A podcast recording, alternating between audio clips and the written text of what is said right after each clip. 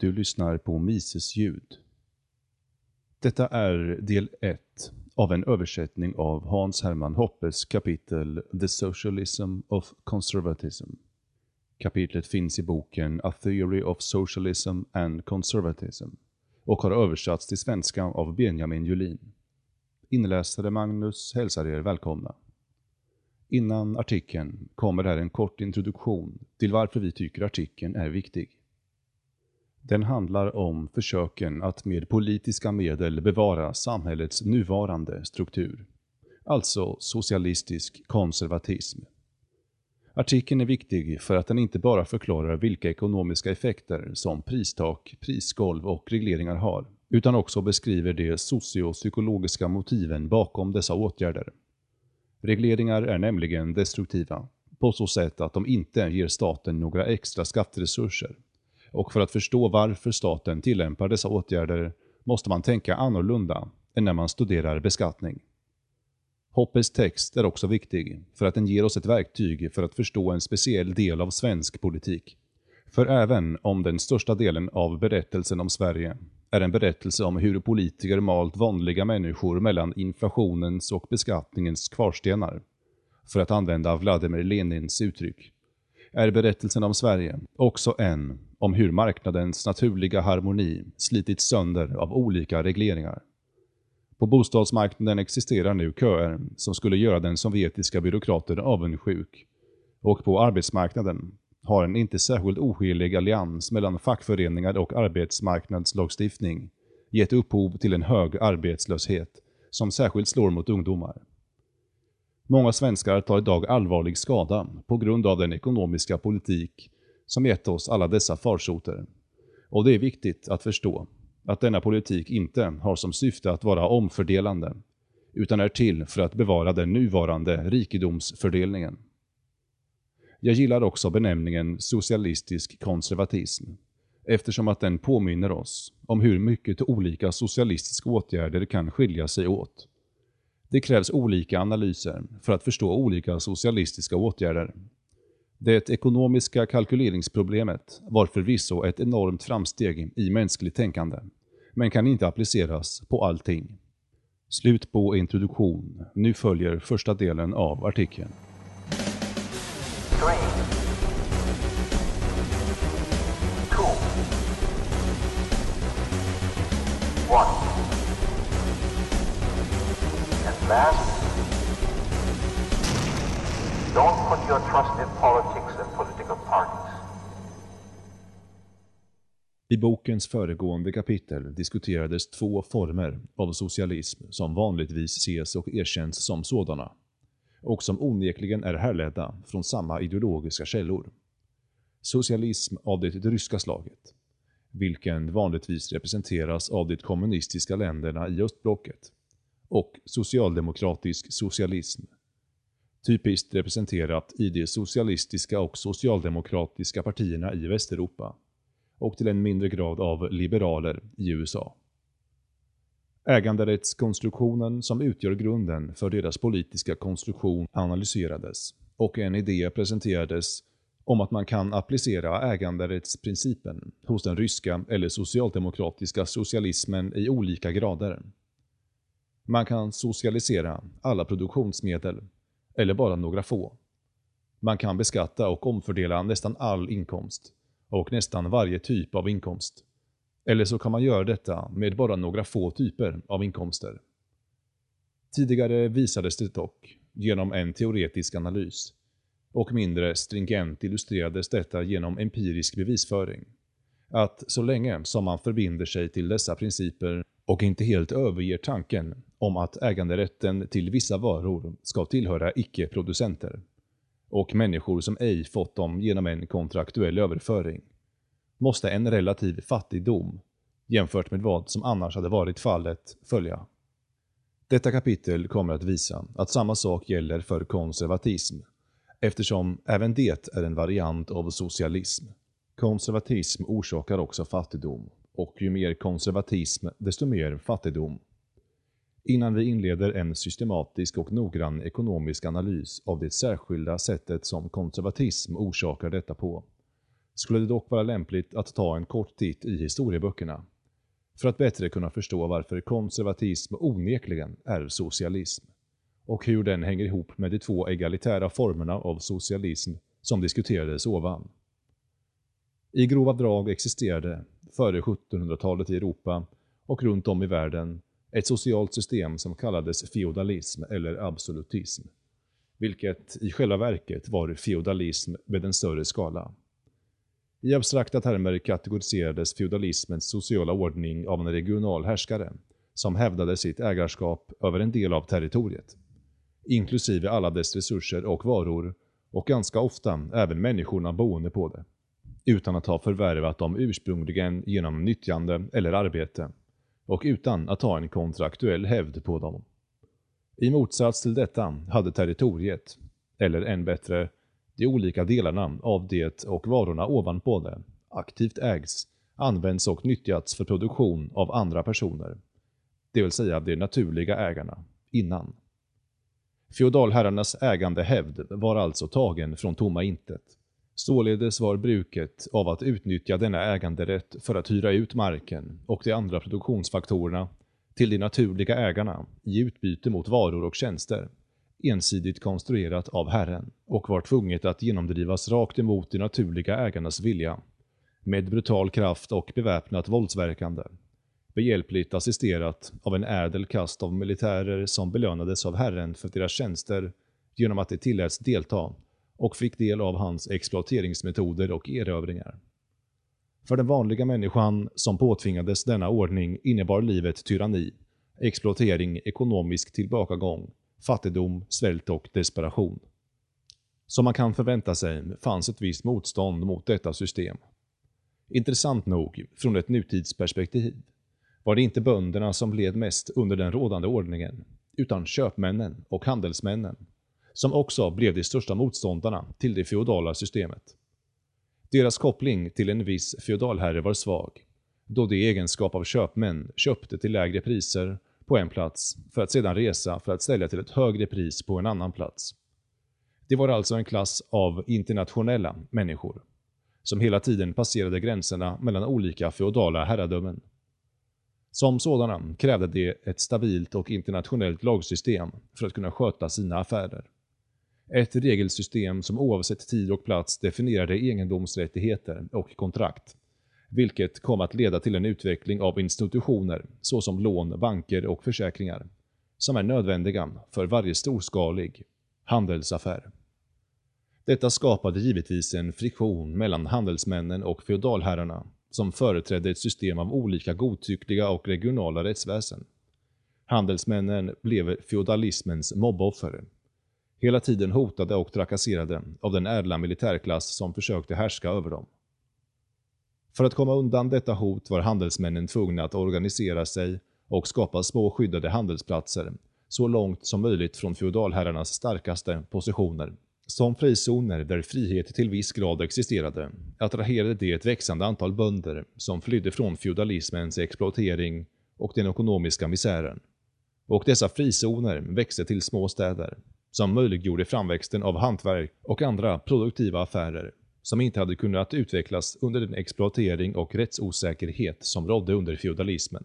Denna process var mer tydlig där de feodala krafterna var svagare och där makten var fördelad mellan ett stort antal av ofta ganska små och rivaliserande feodalherrar. Det var i städerna i norra Italien, i Hansans städer och i Flandern som kapitalismens anda först spirade och handeln och produktion nådde sina högsta nivåer. Denna lilla frigörelse från reglering och feodalismens stagnation var dock bara tillfällig och följdes av en reaktion och tillbakagång. Detta hade dels att göra med den interna svagheten i handelsmännens egen rörelse. Det feodala tankesättet om att människor måste ha en rank, om lydnad och makt och om att ordning måste införas genom tvång var fortfarande för djupt ingrott i människans sinnen. I de växande kommersiella centrumen skapades således nya, icke-kontraktuella regleringar och begränsningar, nu med ett borgerligt ursprung, och förbund som hindrade den fria konkurrensen, och en handelsmannaoligarki formades. Men ännu viktigare för denna reaktionära process var ett annat faktum. I deras strävan efter att befria sig själva från olika feodalherrars intrång var de tvungna att leta efter en naturlig kompanjon. Förståeligt nog fann de sådana allierade bland den klass av feodalherrar som, trots att de var komparativt starkare än deras adliga vänner, hade sina maktcentrum på ett relativt längre avstånd från handelsstäderna som sökte hjälp. Genom att alliera sig själva med handelsmannaklassen sökte de utöka sin makt utöver dess nuvarande räckvidd på bekostnad av andra mindre feodalherrar. I syfte att uppnå detta mål gav de först vissa undantag från de vanliga kraven som föll på deras underhuggare till de framväxande urbana städerna, vilket därmed säkerställde deras tillstånd som lokala centrum där frihet delvis rådde och gav de skydd från de närliggande feodalherrarna. Men så fort som koalitionen hade uppnått det mål den enades för, att försvaga de lokala feodalherrarna, och handelsstädernas utländska feodalvänner därmed hade etablerats som en verklig kraft långt ifrån dess egna traditionella territorium, tog den ett kliv framåt och skaffade sig själv positionen som en feodal supermakt. Det vill säga som en monarki med en kung som införde alla sina exploaterade regler på det redan existerande feodala systemet. Absolutism hade fötts. Och eftersom detta inte var någonting annat än feodalism i större skala, följde en ekonomisk stagnation återigen. Städerna vittrade sönder och fattigdom och misär återvände. Det var inte förrän sent under 1600-talet och tidigt 1700-tal som feodalism mötte starkt motstånd. Denna gång var attacken mer framgångsrik eftersom det inte bara var ett försök av praktiska män, handelsmän, att erövra den lilla frihet som krävdes för att sköta deras affärer. Det var i större utsträckning en ideologisk kamp som inleddes emot det feodala systemet. Den intellektuella reflektionen över välståndets orsaker och nedgången i handelsindustrin som hade skett och en mer noggrann studie av romersk lag och naturrätten som båda hade upptäckts i handelsmännens strävan att utveckla en internationell handelsrätt och rättfärdiga denna gentemot feodalherrarnas konkurrerande system, hade lett till en sundare förståelse för begreppet frihet och av frihet som en nödvändig förutsättning för ekonomiskt välstånd.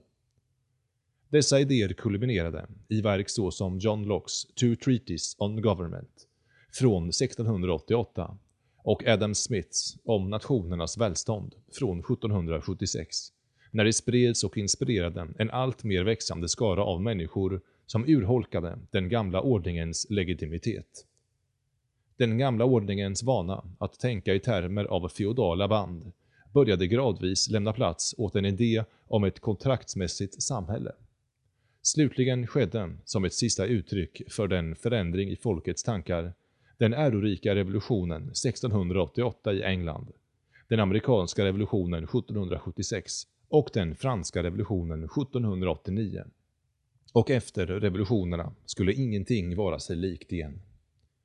Det visade med all tydlighet att den gamla ordningen inte var oövervinnlig och gav nytt hopp åt tanken om fortsatt framskridande på vägen mot frihet och välstånd. Liberalism, vilket den ideologiska rörelsen som hade framkallat dessa omskakande förändringar döptes till, växte från dessa revolutioner starkare än någonsin och blev under lite mer än ett halvt århundrade den dominerande ideologiska kraften i Västeuropa. Den tog kampen för frihet och för privat egendomsrätt förvärrad genom användande eller kontrakt och gav staten rollen att beskydda dessa naturliga rättigheter. Med rester av det feodala systemet högst närvarande, trots att den ideologiska grunden var rejält omskakad, tog det parti för en ökad liberalisering, fler avregleringar och ett kontraktbaserat samhälle, internt och externt, det vill säga gällande både inhemska och utländska affärer och relationer. Under trycket från de liberala idéerna blev de europeiska samhällena än friare från feodala restriktioner och liberalismen blev också den industriella revolutionens parti, som hade sin grund i och gynnades av denna liberaliseringsprocess. Den ekonomiska tillväxten skedde i en aldrig tidigare skådad takt. Industri och handel blomstrade och kapitalbildning och kapitalackumulationen nådde nya höjder. Levnadsstandarden ökade inte omedelbart för alla, men det blev möjligt att underhålla en växande skara av människor. Människor som bara några år tidigare, under feudalismen, skulle ha svält ihjäl på grund av frånvaron av ekonomiskt välstånd, men som nu kunde överleva. Dessutom, eftersom befolkningstillväxten inte var högre än kapitaltillväxten, kunde alla nu nära en realistisk dröm om att en ökad levnadsstandard var förestående. Det är mot bakgrund av denna del av historien, givetvis något grovt presenterad, som fenomenet konservatism måste förstås som en del av socialismen. Och man kan nu se dess relation till de två alternativa versionerna av socialism med ursprung i marxismen. Alla typer av socialism är ideologiska svar på den utmaning liberalismens framväxt utgjorde. Men deras position gentemot liberalism och feodalism, den gamla ordningen som liberalismen avslutat, skiljer sig avsevärt. Liberalismens framfart hade stimulerat en social förändring i en takt som var av en sådan stor grad att dessa variationer aldrig tidigare skådats. Liberaliseringen av samhället innebar att det nu var det som kunde producera mest effektivt till en så låg kostnad som möjligt och att endast förlita sig på kontraktuella överenskommelser för att uppnå detta, som att hyra produktionsfaktorer, särskilt arbete, som erhöll en särskild social position. Imperium som enbart uppehålls av kraft darrade under detta tryck. Eftersom konsumenternas efterfrågan, som produktionsstrukturen nu anpassade sig efter, och inte vice versa, förändrades konstant. Och eftersom bildandet av nya verksamheter var mycket mindre reglerat, om det var reglerat var det ett resultat av ursprungligt förvärv och eller kontrakt, var ingens relativa position i inkomst- och förmögenhetshierarkin längre säker. Istället ökade den sociala rörligheten åt båda hållen. Ingen fabriksägare eller ägare av en särskild typ av arbetstjänst var längre immun mot förändringar av efterfrågan. Det var inte längre garanterade ett stabilt pris eller en stabil inkomst. Fortsättning i del 2.